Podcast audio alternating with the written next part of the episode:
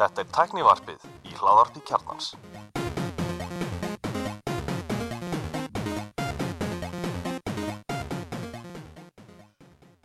Komið þér sálblessuð og velkomin í tæknivarpið. Ég heiti Gunnar Reynir Og ég er Alli Stefán og við erum með góða gæst dag. Við ætlum að fjalla um 5G í dag og við fengið tvo 5G sérfræðinga, Benedikt Ragnarsson sem er tæknistóri Nova Plötusnur og Nóa Plötusnúður, já. Og kannski ekki þessi lýsandi titill, en fyrir mig það eftir. Þorlefur Jónasson, fórstuðum að tæknitildar post og fjár. Velkomin stakar. Takk fyrir það Hérna, já, við ætlum að tala um 5G. Hérna, allir, þú er nú svolítið spenntu fyrir þessu. Þú varst að, hérna, er kannski, hefur verið á, á okkur semur mjög spenntu fyrir 5G. Já, ég er mikið pælt þessu Ég, eins og kannski hlustundu vita þá er ég búin að vera í færktabransanum eins og gulli uh, en ég hef verið svona að kynna mér þetta bara sjálfur frekar mikið síðslegin, já, tvö eitthvað þess og ég er mjög spennt fyrir þessu en, og það vantar kannski svona það sem okkur hefur vantað er kannski einhver svona tækni tekkingu í hópin þannig að við fengum hérna þess að tvo herramenn til þessu okkur ef við ekki bara byrja byrjunni uh, hvað er 5G Þorlur? Vilt þú byrja því? Já, 5G er, er í sjálfu sér eðlileg þróun af 3G og 4G og, og það má segja kannski að það sem einkennir 5G umfram 3G og 4G er hraðari tengitími meiri bandbreytt og þar með meiri hraði. Uh, nú, það er líka talað um það að 5G verði áræðilega net og örgara að mörguleiti fyrir þær þjónustu sem að, gera kröfum slíkt. Þetta er svona já, st- í stuttumáli Mm Ok, Benni, hva, hva, hvernig er þín hlið? Já, hún er mjög svipað á hjá Þórólfi sko. Þetta er þróun og við, við erum alltaf búin að vera með 4G og 3G þar á undan og 2G þar á undan og, og við þurfum núna að íta allir þessari tækni inn í 5G þannig að þú veist, þetta er ekki bara nýtækni, heldur er þetta bara fylgir eftir þróun. Við erum að fara að taka á því bara þú veist, hvernig við mótum framtíðina, hvert þessu og við erum rosa spennt fyrir þessu, sjáum mikil tækifæri í þessu. Og það eru ótal mörg sko svið sem koma til með að snerta þetta. Þetta snýst ekki bara um hraðverkari net heldur snýst þetta um sem sagt, svona samkeppnina sem verður á móti í klátinu. Mm sem að kannski 5G bara, þetta verður svona aflegð af því sko. Þetta er ofta eins og svona álverin sko að það eru þúsund mann sem vinna það sko. Eins og er afleitt störf nýjar þjónustur og tekník sem nýta sér ná að nýta sér þetta eins og hefur náttúrulega gerst í 3G og svo 4G eftir Já, og menn taka þetta 5G svona dálítið bóstæðlega, þetta er í rauninni bara svona reglíf yfir eldri tekni og framtíðatekni. Það er kannski líka með þú veist, 3G og sérstaklega 4G, þar var stökkið svona bara við og okkar tæki, símarnir, við gotum, það var, ég meina 3G gerði netið sem er notheft og 4G gerði það bara mjög gott. Já, fyrst og fremst kannski gagvart okkur sem vennilegum Já. notum já. En þannig er við kannski, ég meina það eru fæstir einhvern veginn að hvert yfir það netið í 4G símaninu sé eitthvað allt og hægt. Nei, Jó, það, þannig að því að lega mér að rósamálaði nefnilega, vegna þess að sko 3G, jú, það, það kom með netið inn í síman. 4G, það kom með allt annað inn í, þú veist, Um allt netið, vídeo líka, hljóð líka. öll öppin smart símarnir, þeir tók á flug þú veist, öll þessi þróun sem var afsprengi af því að menn stegu upp og fóru að byggja þessi viðökinu Eða me- kannski meira sko, það sem ég meina er það að þarna voru við fókusinn, tækin okkar, en þú, veist segir 5G, þá er það svolítið allt hitt, Já, sem það, er kannski þessum ávinningurinn af 5G. jú, en það, það með fylgja eftir þessari þróun sem gerist í fjögið eins og tæki bara venjulegt fjögið tæki, tæki í dag. Það er með eitthvað app uppinn á sér og uppinn er að taka eitthvað processing power þegar við förum yfir í 5G þá getum við fært þetta processing power yfir í skíin og hvað þýðir það? Það þýðir náttúrulega sko lengri batteritíma fyrir símtækið. Þannig að þú veist það er svona ef að menn vilja skoða það í, í, í, með opnum huga þá, þá er þetta að breyta svo mörgu. Þú veist, við, þegar við fórum á stað með 4G við höfum ekki hugmynd um hvað þetta myndi gefa af sér sko. En eins og við þekkjum veröldin í dag myndur við vilja fara aftur í 3G Nei mitt. En ef við, við horfum aðeins breyðar á þetta, hvað 5G, hvað það kemur til með að hafa mestu áhrifin, að mínum að það minnst ásti. Það er svona orðið vinsælt tala um, um 5G sem límið í fjórðu innbyltingunni og fjórða innbyltingin náttúrulega á eftir að hafa gríðarlega áhrif á bara hagkerfi heimsins. Og þar mun 5G uh, vera í líki hlutverki og þar erum við að tala um bara nýja þjónustu og, og, aukina sjálfvirkni í svo mörgum greinum. Við erum bara tekið innaðinn landbúnaði, sjávarútvegin uh, heilbriðis þjónustan öll förum að sjá hátækni þjónustu í, í heilbriðisgeiranum fjár vöktun, fjár þjónustu uh, fjár lækningar þannig að þetta á eftir að hafa áhrif og svo gríðarlega víða. Og einhver víða. aðgengi líka og einhver aðgengi, eða vissulega.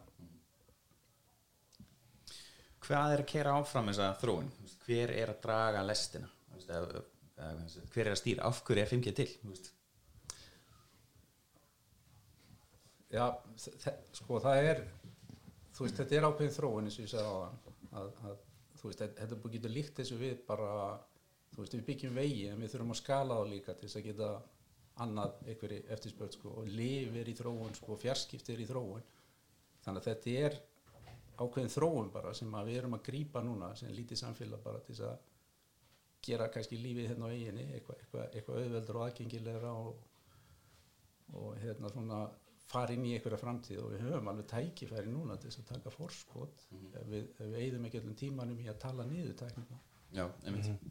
Kannski komum við vel að því á eftir það sem ég er meira að spá er kannski fyrir þólið hérna, þú er, er það ríkistjórnir sem er að þróa þú veist, og kannski Benjamin svara sér líka á eftir hérna, sem er að dra- draga þetta áfram eða er það, er það fyrirtækin, er það engaræksturinn hvar, hvaðan kemur í rauninni hver er að þróa þetta, hver er að borga það ég, ég held að það sé allir þessir aðeins sem hún nefnir Já. í rauninni og það er til, til hagspóta fyrir okkur öll hvort sem að það er, eru ríkistjórnir eða þjóðfélög eða tækni geirinn sjálfur en allar þessar þjónustu sem ég nefndi áðan sem dæmi uh, við erum alltaf, við erum fannin að sjá það þegar í fjögi að það er, það er mjög mikil aukning í alls konar tengdum tækjum.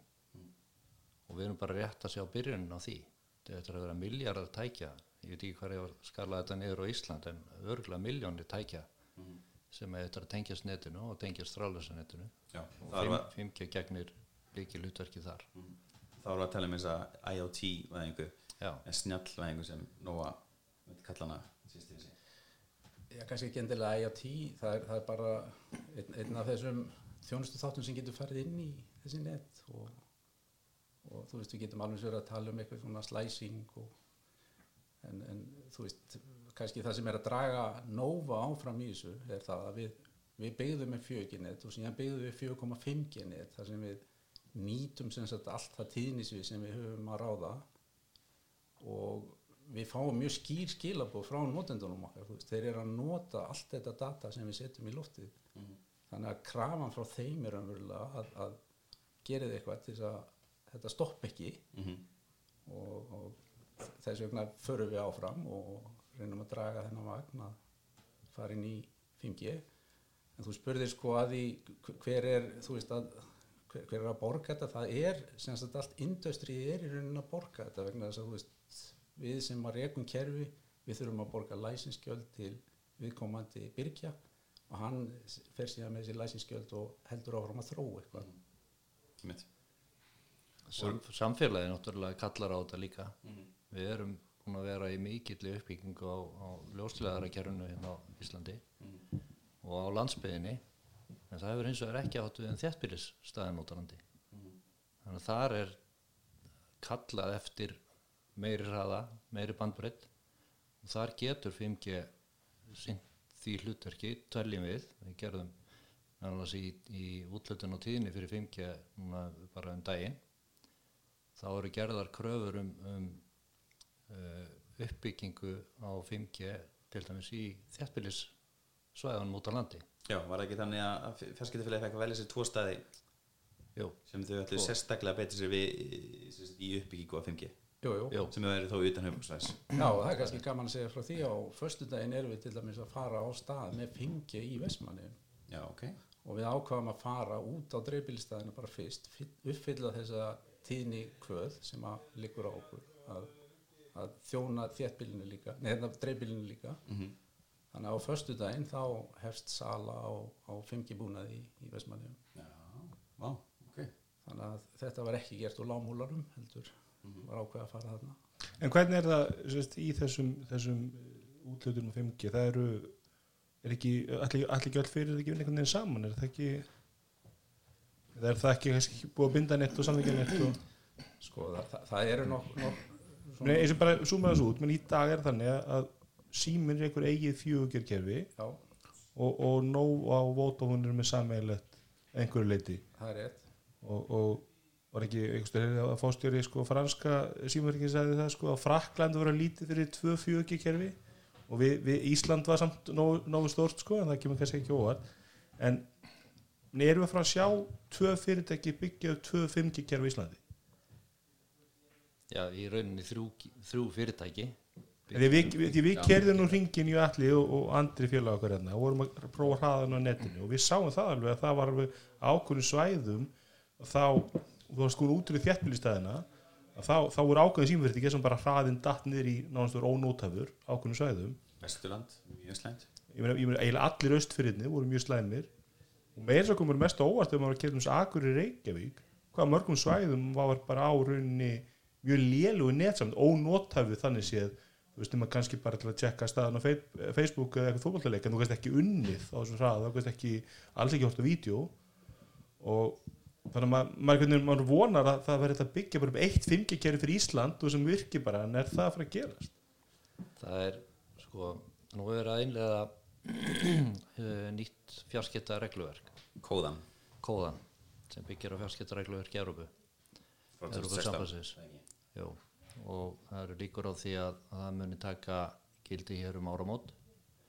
Uh, í kóðanum er einmitt uh, fjalla mjög ítalega um aukið samstarf og gera fjarskiptafélögum kleift að, að vinna meira saman.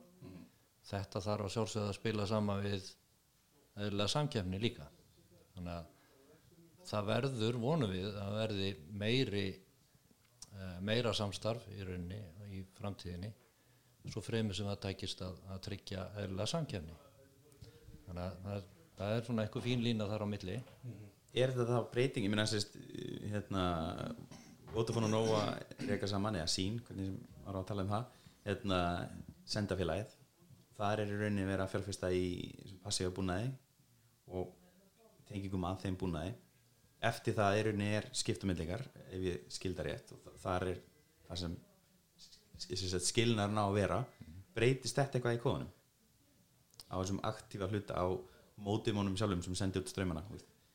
Já. má samnýta þá í nýja Já, kóðun það er op- opnað á samnýtingu á tínum í kóðanum þannig að, að hérna, það er það er raunin opnað á það með, að, með ákveðnu skilum.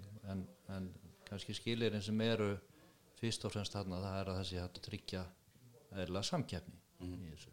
Já, samkeppni, það- við skulum hafa það í huga sko að, að samkeppnin uh, hefur skilað okkur hér á Íslandi mjög hagstæðum og hagkvæmum kjörum í fjarskiptum.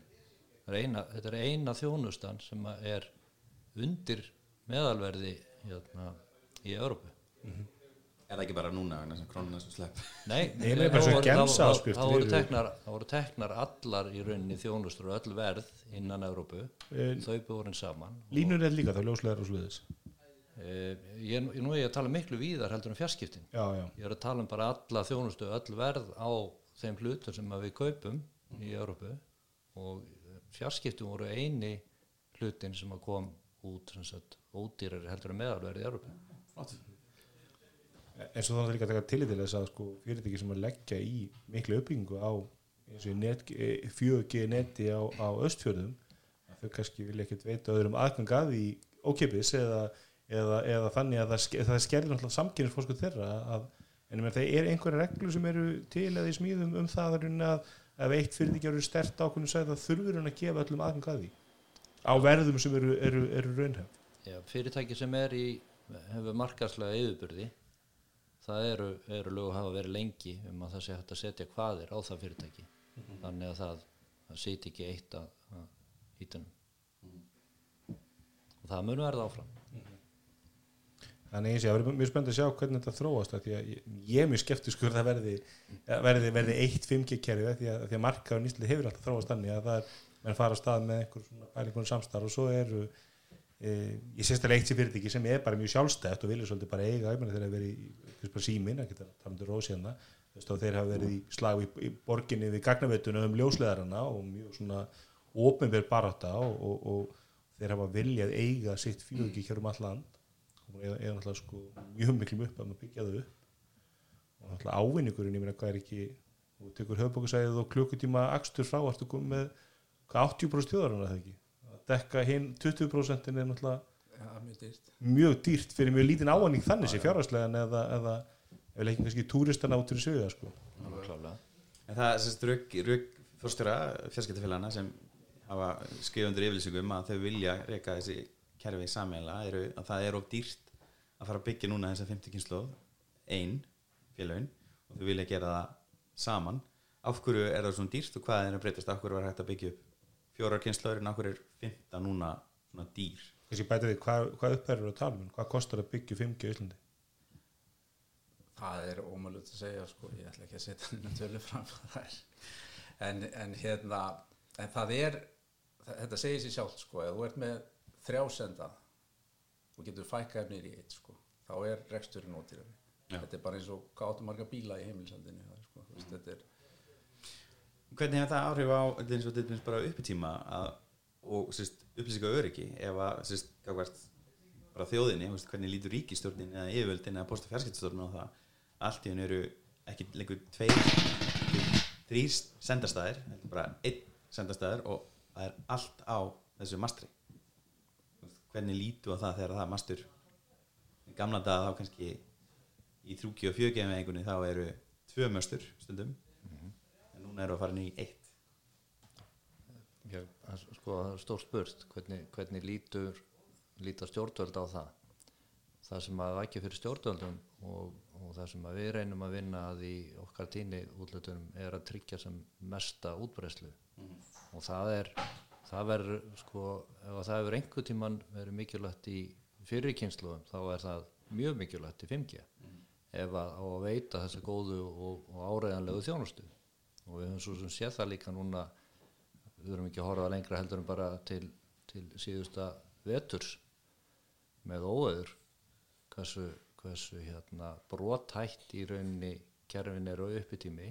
Nú voru það ekki, ekki fjarskipta kerfin sem slík sem voru að, að hérna, gefa sér þar heldur var það fyrst og fremst rámasleysi mm -hmm. en það er hluti náttúrulega af innviðunum sem að þarf til þess að halda fjarskiptakerfunum gangandi en, en sér frá því þá, þá viljum við hjá post og fjár og, og það er örgulega vilja stjórnvalda líka að það sé sem útbreyttust þjónusta og hún þarf að vera til að, að mínu mati svo ég segi bara mitt mat á því. Mm. þá þarf hún að vera til með meiri samvinni það, það gefur auðarlega að það eru fjöldi staða út á landi sem er bara ekki markaslega hagkvæmt að, að reyka fleiri heldur neitt nefn mm.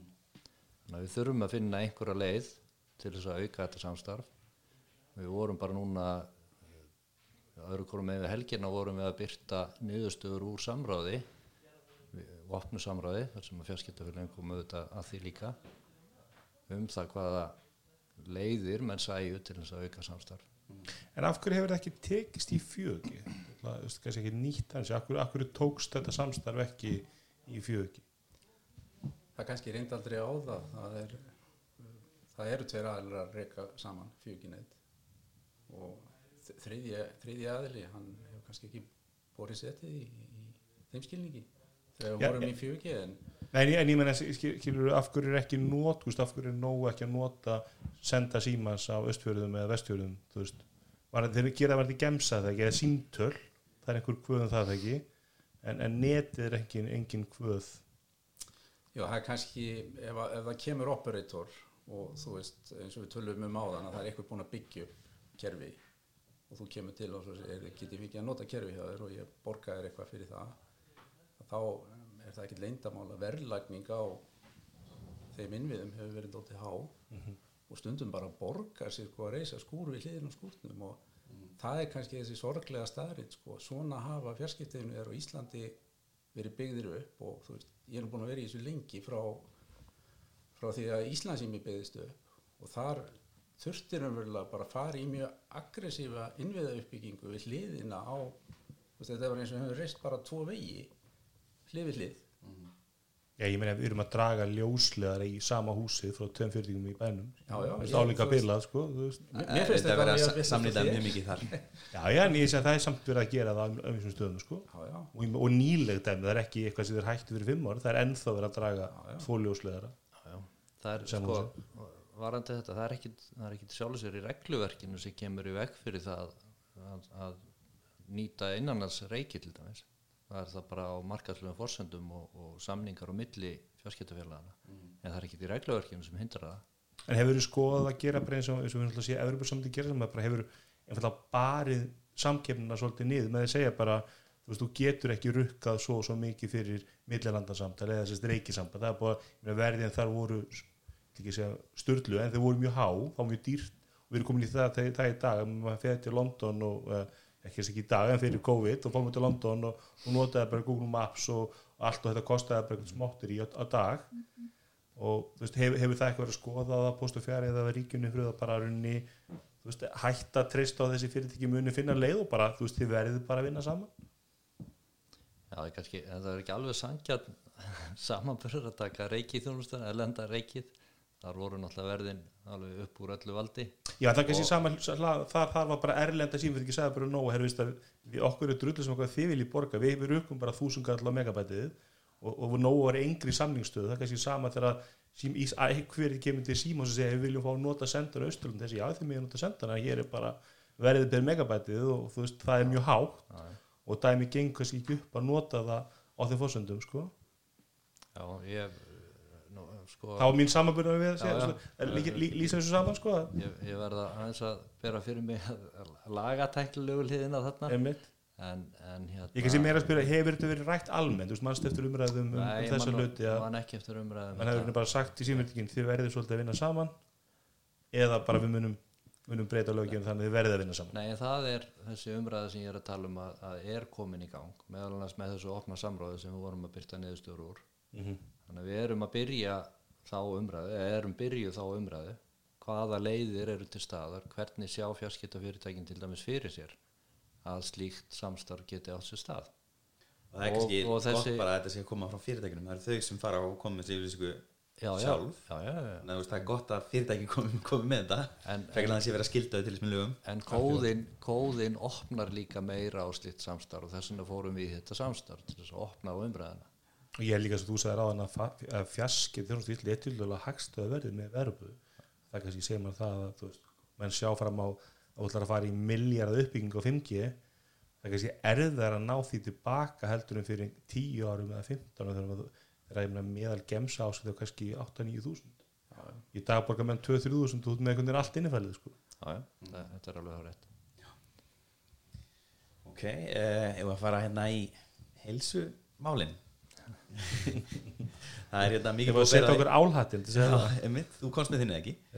Hérna, það er mikið búið að bera því núna sérstaklega í fjölmjölum, það var einhver uh, hópu fólk sem laði fram til uh, og stundur skipta lista minni mig um að sem sagt, uh, fara velun í kjölinn, hvað var þar uh, hvort að 5G hafi áhrif á heilsufólks og Já, þessi hópur enda kærði sem sagt og fjár um að útluta þessum tíðnisvið til fjarskiptafélagana. Í gegnum þá bara að Nei, það er, það er úrskurinn nefnd post og fjarskiptamála sem, að- sem að tekur á slíkum kærum. Þannig að þetta var formlega kæra Já. sem var kom. ok, má það er og, og það er alveg rétt og það er reyndar ekkert, það er ekkert nýtt að almenningur uh, óttist um heils, heilsuna varðandi allt sem er í loftinu og, og það sem keirir á göttunum og annars Einmitt, það, það kemur álhætturinn veist, hann kemur út af einhvers konar geislun hvort það sé öfbyggjusamband eða, eða hérna farsímasamband. En það það er rétt að hafa í huga í þessu sambandi og nú, nú post og fjár ekki í rauninni eftirlit stjórnvaldið varðandi þetta. Eh, þetta er geislavarnir ríkisins sem að hafa eftirlit með ójónandi geislun. En það eru starfandi alþjóða uh, alþjóða geisla varnar ráðið sem að setur viðmið viðmiðin á mörk í rauninu um það hvað geislun má vera há og þar eru, eru þá ákveðin viðmið sem að eru talin geta haft skali áhrif á mannslíkamann. Þau, síðan eru sett viðmiðin á mörk sem að meiga vera í geislun út frá fjarskiptarsendum í þessu tilviki.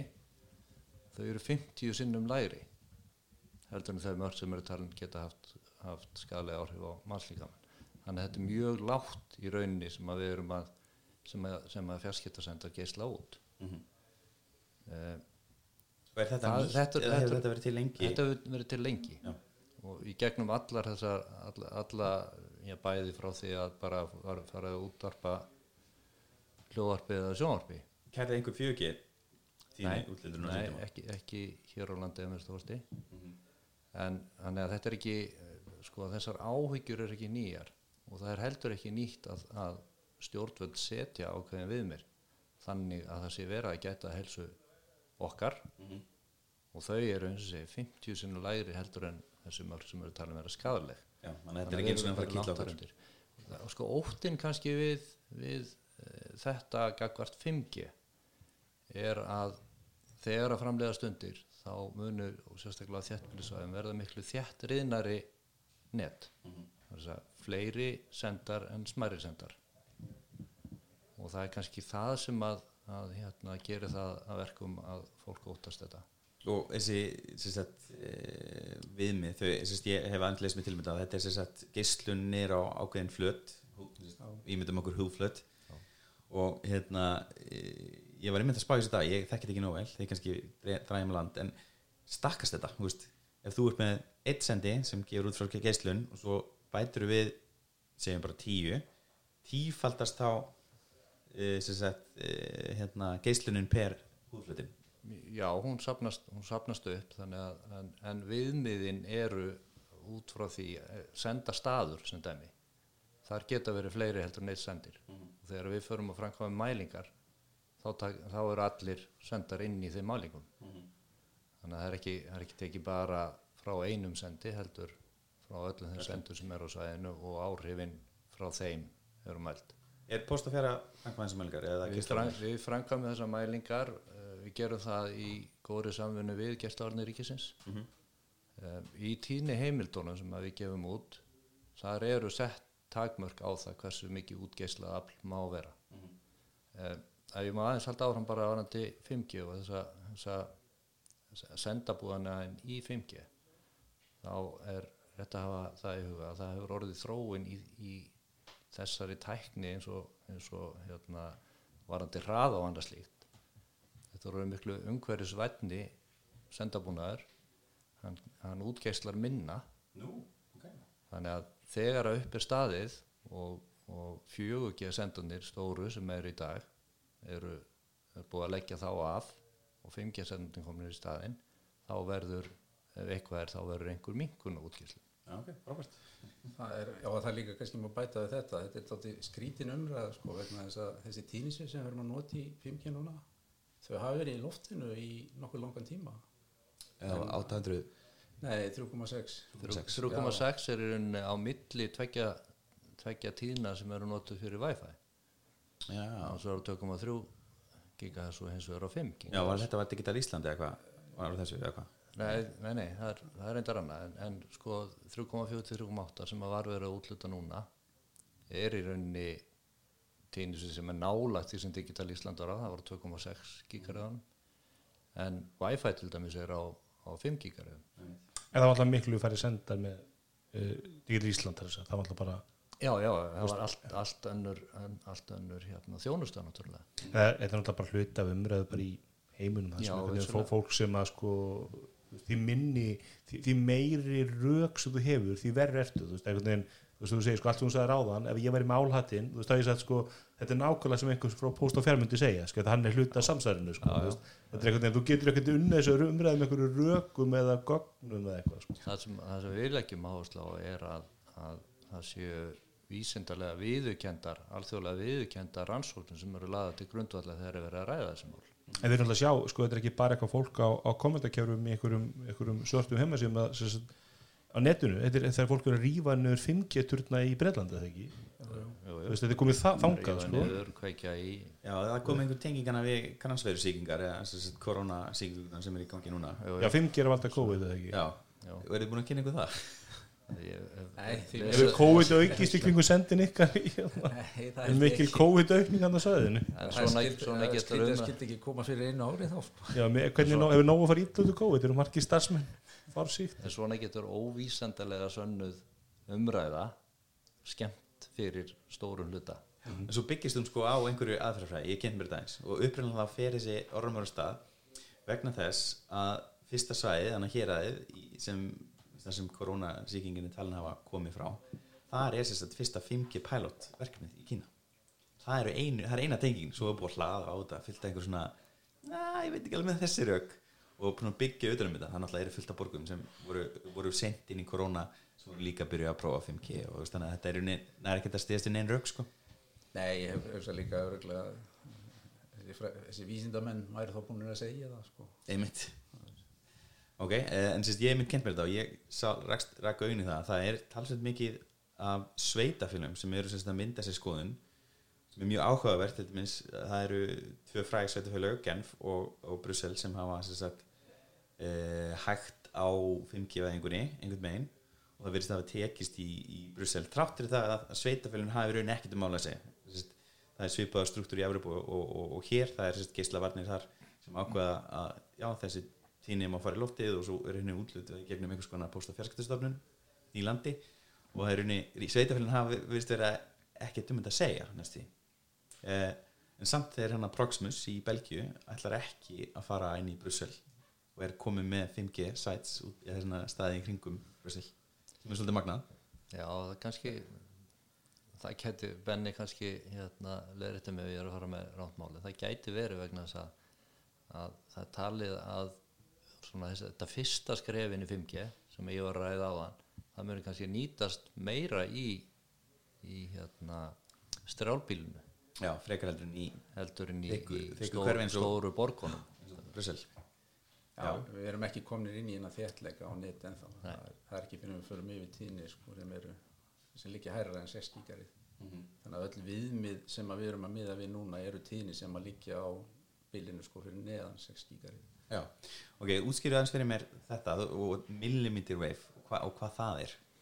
Það er náttúrulega bara til tíðnin hún skreppur saman eftir sem fyrir hærri tíðni og, og menn er að tala um að leysa, reysa þessa næstu kynslu 5G netum kannski á, á 10 gigarið og augljóslega þá draga þær ekki eins langt. Mm og, og nú er þetta tæknir.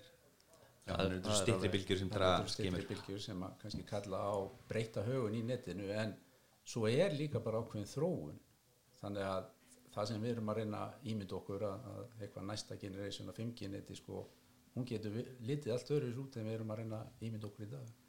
Já, maður er með mjög sérst, í bandargunum er það þannig að sérst, fyrstu 5G-neti sem er að poppa upp verðast vera ekki í strábili heldur inn í, inn í byggðubóli og þetta er alveg þvert á það sem fólk var að agitera fyrir að 5G var að fara að leysa það er, það er, þetta er bara að fara frekar inn í að leysa sérst, bandvítamálin þar sem margir eru frekar heldur en að leysa bandvítamál þar sem fáir eru Já, það er kannski líka bara sýnir hversu ítla og stattir til dæmis bandaríkjamenn eru varandi háhraðatengingar meira sér í þéttbílunum.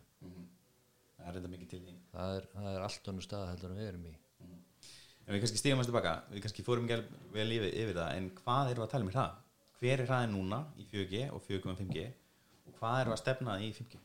Nú ætla ég að lega að benna að Það- þú ert með hraðan kannski í 4,5G eitthvað teórisku hraði upp á 1 gig til, til svona einstækis en svona það sem við erum að horfa á er raunhæft kannski 200-300 megabit og þegar við förum yfir í 5G þá kannski erum við að við fylgjum bara því sem post og fjær setur á okkur að við verðum að sanna að neti geti borið allavega 500 Já. Þannig að það eru margminn. það, það eru markmið í, En- í en- þessu fyrsta skrif. Já, en sko hraði er kannski ekkert svona hraði endur spekla bara einhverja afkastagetu sem þú getur náð í á einhverjum gefnum stað. Og það er það sem við erum alltaf að segja sko og það sem er svona markmið nóga er að að menn geti notað og haft aðgang að hraðvisku neti hvar og hvenær sem er sko. Og ekkert endilega bara heima hjá sig sko að þessi endalösa fíbervæðing hún er fín bara en, hún, en við verðum líka að fylgja eftir þrálausri tækni vegna þess að þetta kemur til með að vinna saman. Kannski skjóta um það, þið alltaf hafi verið svolítið leiðandi í því hjá nú að við erum bjóðu upp á bara 4G sem valkost sem heimanett fyrir fólk. Já, og, og þið eru að, ég meina, þið eru að selja fólki þá svona 4G rátur og hvernig er það reynst? það er komið ágætlega út það er, það er fjölkun á þessu notendu hjá okkur. Og það, það, sumir taka þetta sem bara valkost á móti fíbelnum þannig að þetta er alveg í á okkar mati er þetta alveg, stendur alveg jafnfætist, nei, þú er kannski ekki gíki en, en þú getur notað allt sem þú ert að nota og Nóa hefur til dæmis prómóta mikið over the top þjónustur og við fáum ekki mikið að kvörtunum að þær sé ekki að virka á þrálausanitin okkar, Þjónustu, þjónustu það eins og bara sjónvarp. Já, um mitt bara unikast í sjónvarpi. En uh, álagspunktar og svona, er, er það, eru ekki enda svolítið toppar þar í, í fjöginu? Lenda, til, myndi ekki skipstu að lenda í ör, örtröði á okkur um okkur tíma svolærings? Við erum kannski ekki alveg í þangað en, en við fylgjum svakalega vel með hvað er að gerast í þróun í öllu netinu og komum inn með kapasitetsstækkanir ef við getum en ef við erum búinir að byggja alveg full 4,5G stað þá er 5G bara næsta skrifi fyrir okkur en svo erum við líka að býða eftir að þróunin haldi áfram þannig að við getum farið að taka hluta af 4G-tínunum sem við höfum að ráða yfir núna og setja þær inn í 5G vegna þess að nýtingin er betri þú veist að ef þú varir, varir á sjó og varir með kvót upp á 10 tonn myndur ekki myndur þú fúlsa við að fá 1200 tonn svona á þess að þurfa að gera eitthvað sko En uh, framtíð með ljóslæra er, er ljóslæri bara búinn? munu heimil ekki þurfa fastlínu eða fyrir ekki þurfa fastlínu? Hva, hvað segir postafjár um það? Ljóslærin svo langt frá því að vera eitthvað búinn. Mhm. og, og 5G uppbyggingin hún gerir kröfur í rauninni um sterkari og, og meiri ljóslæðara uppbyggingu sérstaklega á, á stofnleðurunum Mm -hmm. uh, öll, öll 5G allir 5G sendastæðinir þeir þurfa einhver staðar að komast í ljósleðara og allt það magna af upplýsingum sem flæði þar gerir bara kröfu um, um meiri og betri ljósleðara tengingar uh, sjálfsagt ekki vandamál hér í þéttbílinu hjá okkur en, en það þarf að gera mun betur uh, út á landi í Já, já. þannig að nei, alls ekki en 5G Þannig að vestmenningar munu fá ljóslæri í hús á vendarum Það er sjálfsagt bara eftir því hvort að þau telja sig þurfa það. Það á bara reynslega eftir að, að sína okkur. og það er kannski svo sagðir áðan það er kannski verður með 5G verður kannski þessi valkostur betri þú veist það er það verður, ég, hef, hafið eitthvað skoð hennar markúst fyrir þessi sem er að kaupa engangu 4G þú veist, er þetta fólk sem er að kaupa þetta tímubundið er þetta einstaklingar mikið er þetta með stórt einbýlis í byrjaldunum sem bara með alla fjölskyldunin á innum 4G Já, já, þetta, þetta er alls konar notendur. Þetta byrjaði þetta með voru að kaupa þetta í sumarhúsin hjá sér og, og hérna, en sko við teljum að ef, ef þið farið yfir, þú veist, hérna, þú veist, þú kaupir ljósleðara heim til þín og þú setur á hann einhvern endabúna og breytir merkinu aftur í þrálust merki. Ef, að, ef við getum komist bara í það að vera með þrálust merki sko fyrir hlutaþjónustónum og, og ljósleðara fyrir hlutaþjónustónum að þá tel ég að þessi kerfi kom alveg til með að harmonera saman. Já, með þessi bara. Og, ég held að við eigum að sko leggja peninga í stofnleiðir áður en við förum að tengja hvert einasta hús vegna þess að þannig komin bara aðferð til þess að dreifa merkinu. Núna þetta sem við kalla last mile. Bara sem dæmi sko. Það þegar við erum að tala um, um hvort að 4.5G geti þjónusta heimili. Varatenging post og fjár er, er 4.5G. Já, ok, flott. Sami hér, ég hef verið með varatengingar og ég hef kert skristofu á 4G og það er enda reymitt klukkan 16.30 þá er allt. Þannig að maður var að vinna framöndir þá bara var netið bara fullt. Það var enda ekki nóga, það var annað fyrirtæki En það hefur kannski verið í svona þegar menn voru að fara á stað með þetta við höfum eina tíðinni, við gátum ekki skalað upp í kapasiteti nýlega. Nýlega, Nýlega. ok. en þetta er bara, þetta er bara power of video bara sem sagt, Já, fólk er ekki að nota videomiðlana, videosamskiptamiðlana sem er að búa til þessa trafík þessa eh, eftirspurn og hérna sagt, þegar að fólk fer úr vinnu sinni og ljóta að segja býður á ljósum þá er videón okkur svo mikið að hún var að sprengja skrifstónum mína eða turnin sem ég var á bara fekk ekki sem er þekktur sem er turd sem er mjög nálagt þannig að umfyrir tappa sem myndast þannig hjá íðasvæðinu hérna fram hjá valsemilinu já, já, það er það er mjög slæmt að, að vera fornæðina umfyrirörygginu fyrir nokkur Snapchat Já, við getum verið saman að það Það er ekki gott En kannski aðeins að uppbyggjumni, hvað, veist, hvaða tímaram eru að horfa? á? Hvenær er, þú veist, þið eru með eitt send í dag, get ég verið áskrifandi og nóga með 5G? Eða fæ ég það bara sjálfkrafa að ég er með 5G síma? ef þú fættir Vestmanni, býr þar Já, ég bý í Þá- Vestmannaeyjum. þá getur þú verið áskrifandi Hver er þessi vestmanna ting? en eins og ég skilða þá er rauninni 5G einungs í bóði uh, fyrir það sem taka hennan Huawei router uh, og það er rauninni ekki stutt af neinum símtækjum sem eru til sölu Nei, það er, sko, við erum að býða eftir þróuninni að símtækja þróunin fylgi eftir því sem gerist í mótem þróuninni og í dag, þetta er svipað á þegar við fórum á stað með það- við byrjuðum með þessi mótem svo komu símarnir og á endanum þá var þetta bara 5G-tæki og við erum bara að sjá fram á svipað þróun þarna, við erum að horfa á, á Samsung og Apple sko, þeir eru að koma inn með tæki kannski á haustöfum og kannski í lók þessa árs. Er Samsung kom alltaf með í vor, hann að S20, hann, hann er í búða sem 5G sími. Já, hann er í bóðið sem 5G en það er, þróun er einhvern veginn þannig að þessi framlegenda þeir vilja prófa þetta inn á kerfum og, og þess vegna er mikilvægt að komast á stað með kommersial þjónustum en þess að fyrr koma er ekki að prófa símana og hvað er því komið marga að senda hjá Nova núna? Við erum með sex. 6 senda? En það eru hvað 100 sendar pluss í, Þa, þeir eru 100, já. Já. Þannig þið þurfum að koma að stanga og þá kannski ke- kemur Samsung og Apple á staðinn og prófar. Nei, nei, það er, þeir koma bara núna við erum búin að tala við þá og þeir eru að koma bara á haustöfum og við erum í röðinni Okay. En, en hvað er, hvað er tímaramenni, menna, hvað, hvað er að tala um, hvernig er heldur sér líklegt að, að höfubókusætlum, bara að neytandi höfubókusætlum getur verið að nota 5G? verði fullu uppbyggt Já, það er bara þannig ég geti keft þjónustunni eða áskutuna og ég kannski þurfu þá að kaupa mér, fara að leita 5G síma að því að þá væri bestu, bestu kerfið hjá mín símverðu því. þetta er, við lítum á þetta sem kannski svona tekja þryggjara ferli að, koma upp vegna þess að það sem við erum að gera er umverulega, við erum með þessa 4,5G þjónustu og hún er að þjóna notendum, bara skrambi vel myndi ég segja. Og það sem við gerum er það að við, við stækkum pípur þar sem þessi þörf þannig að við erum að einbeta okkur á hotspotum þannig að þetta verða eigur svona til þess að byrja með, við förum ekki og kveikjum á allri borgin í einu vegna þess að það er kannski ekki þörf á því og svona gera þetta með skynsum hætti En þú talar aðan Þorlur um að þetta séu skref. Hvað er það mörg skref og, og hvernig virka þau?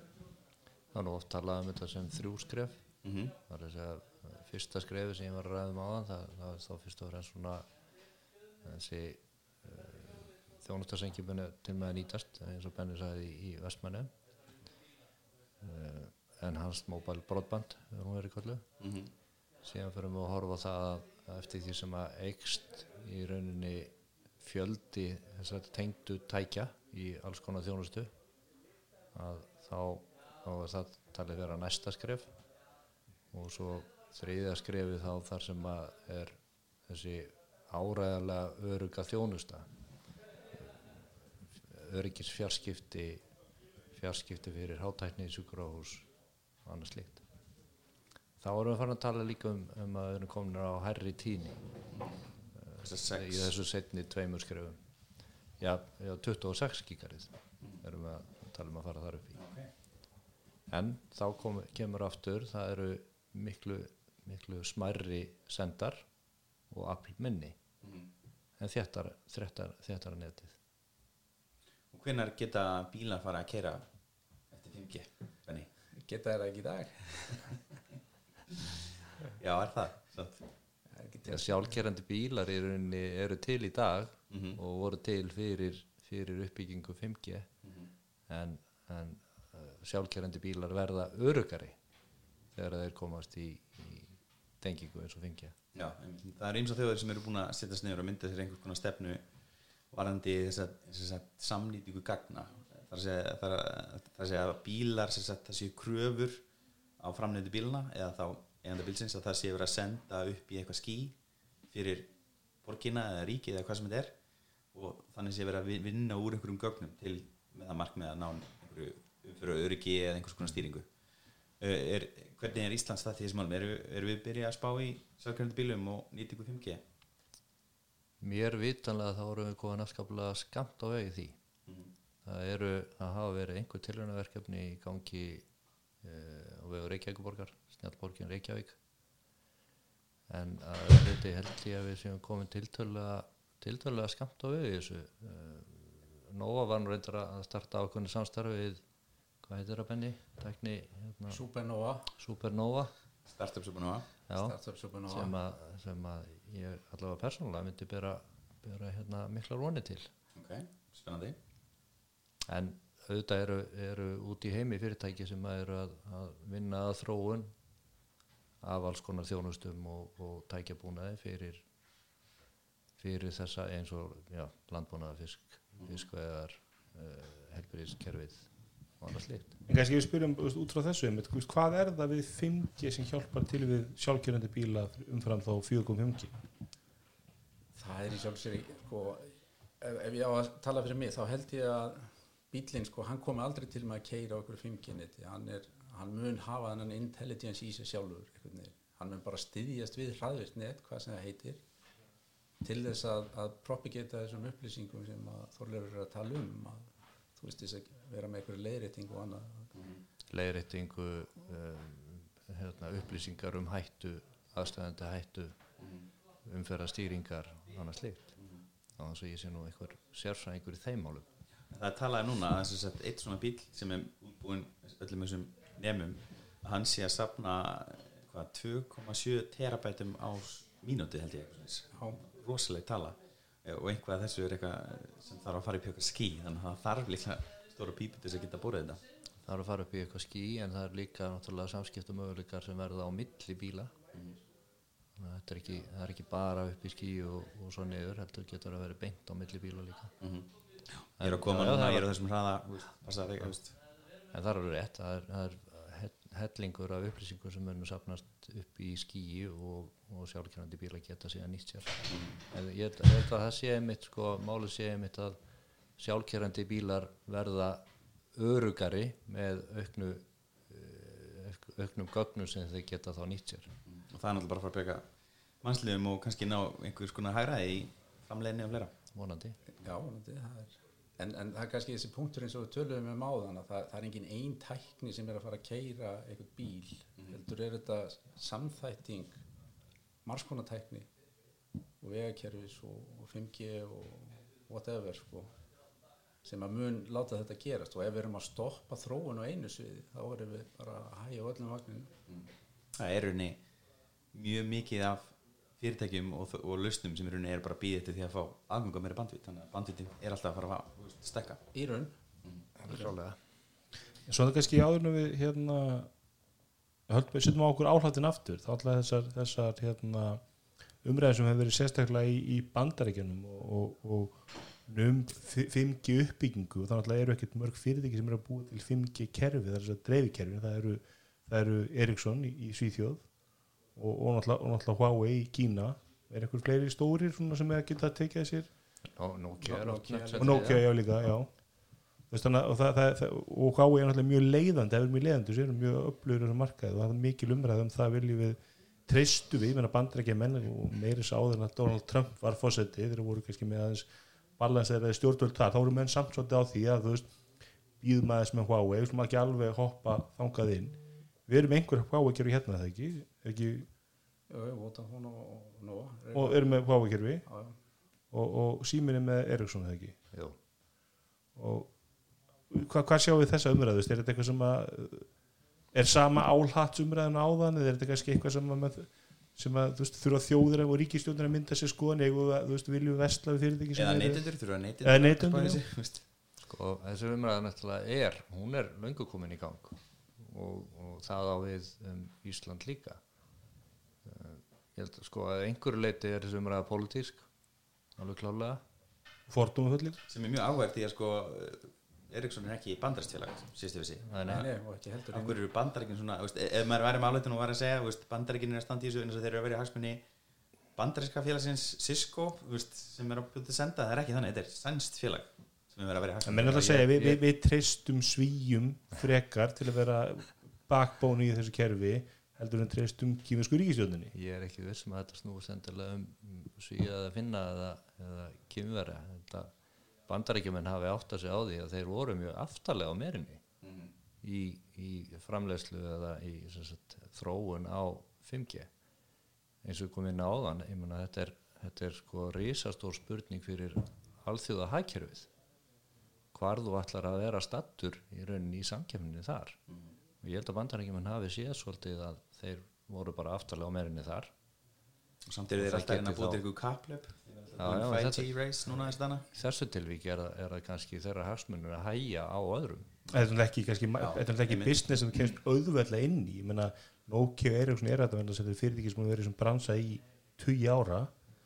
Uh, og á er búin að byggja þetta upp á, á veit ekki hvað- hversu löngum tíma en, en það hefur tekið einhver tíma. Þannig að- að Cisco er ekkert að fara lappin á hann að marka við sáum bara hver voru það sem, að- sem að Apple var að vinna með svo, sem að Intel það ekki sem að, nei hverju voru það sem, sem ætlaði að gera, ætlaði að gera 5G hérna?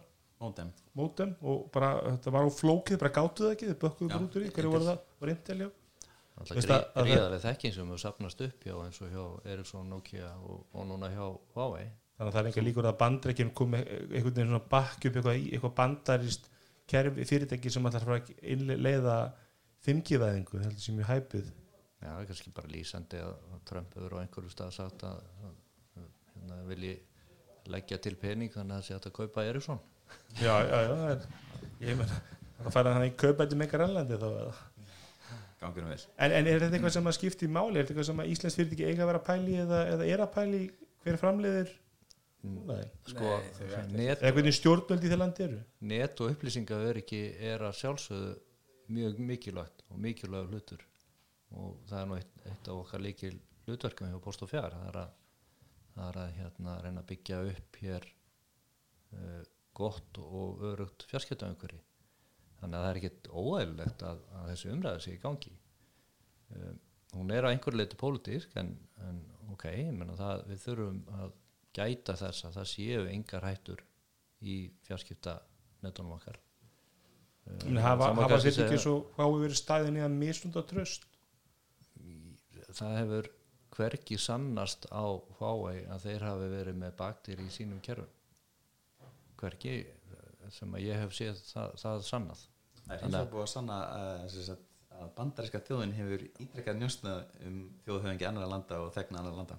Já, og það hefur meiri segja sannast á Cisco sem að að framleiðir 80% af öllum netbúnaði í heiminum.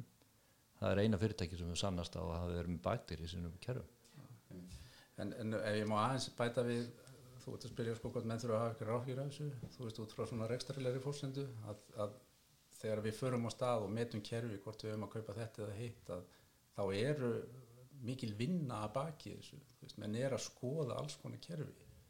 Og varandi 5G að þá er það bara þannig að, að það var eitt framlegandi bara komin svona hafði árs forskot á hinna. Og þú veist við töluðum við alla og það bara gæti engin bóðið neitt.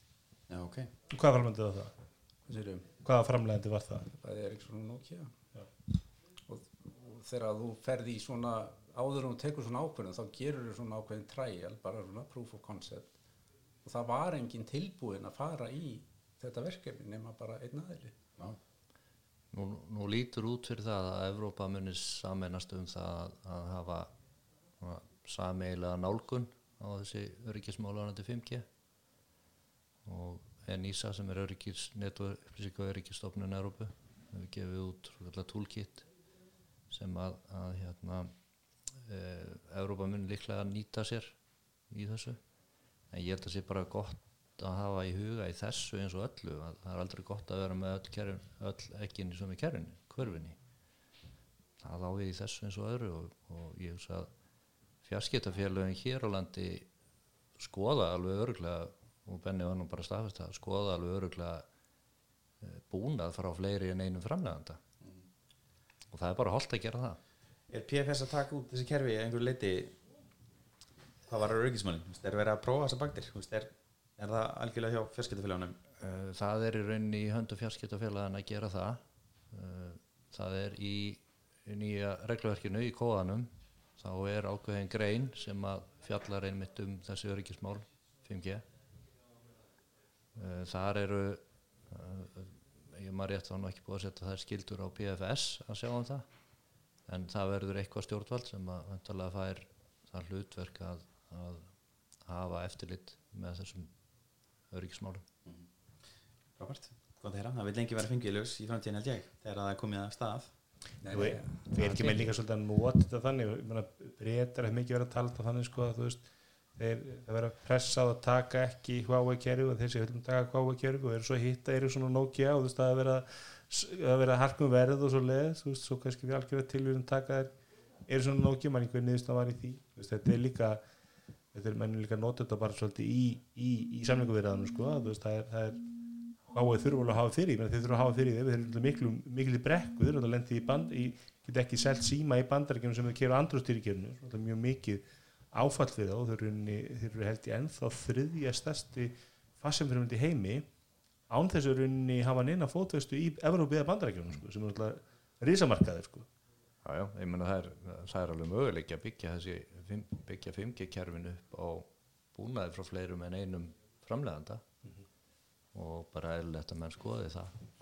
En svo bara það sem þú ert að nefna sko eitthvað að þessu eru pólitísk eða viðskipta eh, þvinganir og annað slíkt á milli, við vitum það alveg bandaríkjumenn og kínverður eru í viðskiptastriði að það er enginn að segja mér annað heldur en að þetta spili inn þar. En, en það kannski má bæta við, við hefum nú verið að rýna í hennan kóða og þetta EU toolbox, það sem er verið svona leið að því, hvernig menn er að byggja og þróa sín kerfi. Íslendingar eru í kjör aðstöðu, við erum með tvo vendora, við erum með Ericsson og við erum með Huawei. Og ef að annar hvort þeirra verður uppvísa, einhverju misjöfnu, að þá er auðvelt að setja hér lög sem segir hefur leifið hinn að nota líka. Þannig að þú veist það þarf enginn að óttast það hann verður bara svona sambandslaus út af því að Ok, frábært.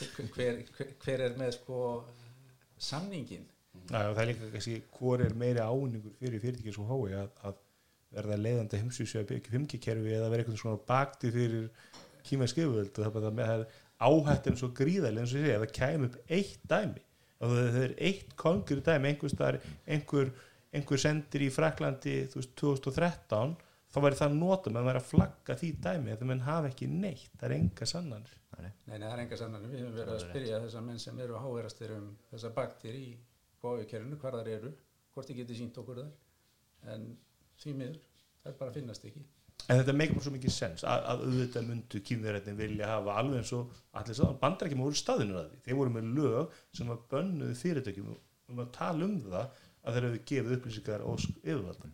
já, já, Og, og, og þú veist, og ég hef enga trú að kýmverði sé eitthvað róleri með þessu luti heldur um bandarækjumenn en, en, en, en við sáum náttúrulega líka viðbröðum við því sem að bandarækjumenn voru gripnir af.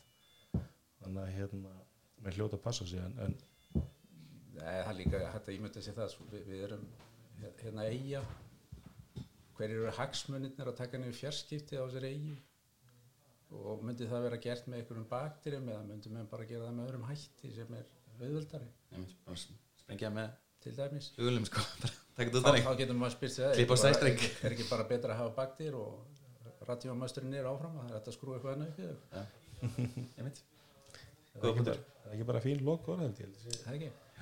Bara mjög, bara mjög skemmtilega spjall og mjög áhugavert og hérna við erum við og hlustundu vonandi margs vísar um 5G og hérna nú bara held ég að stór hluti hlustundan teknum með hluti Vestmanni og fara að lifa ljúalífuna 5G bærin Já, ég sé bara takk fyrir okkur. Já, takk fyrir komna Takk ykkur. Það takk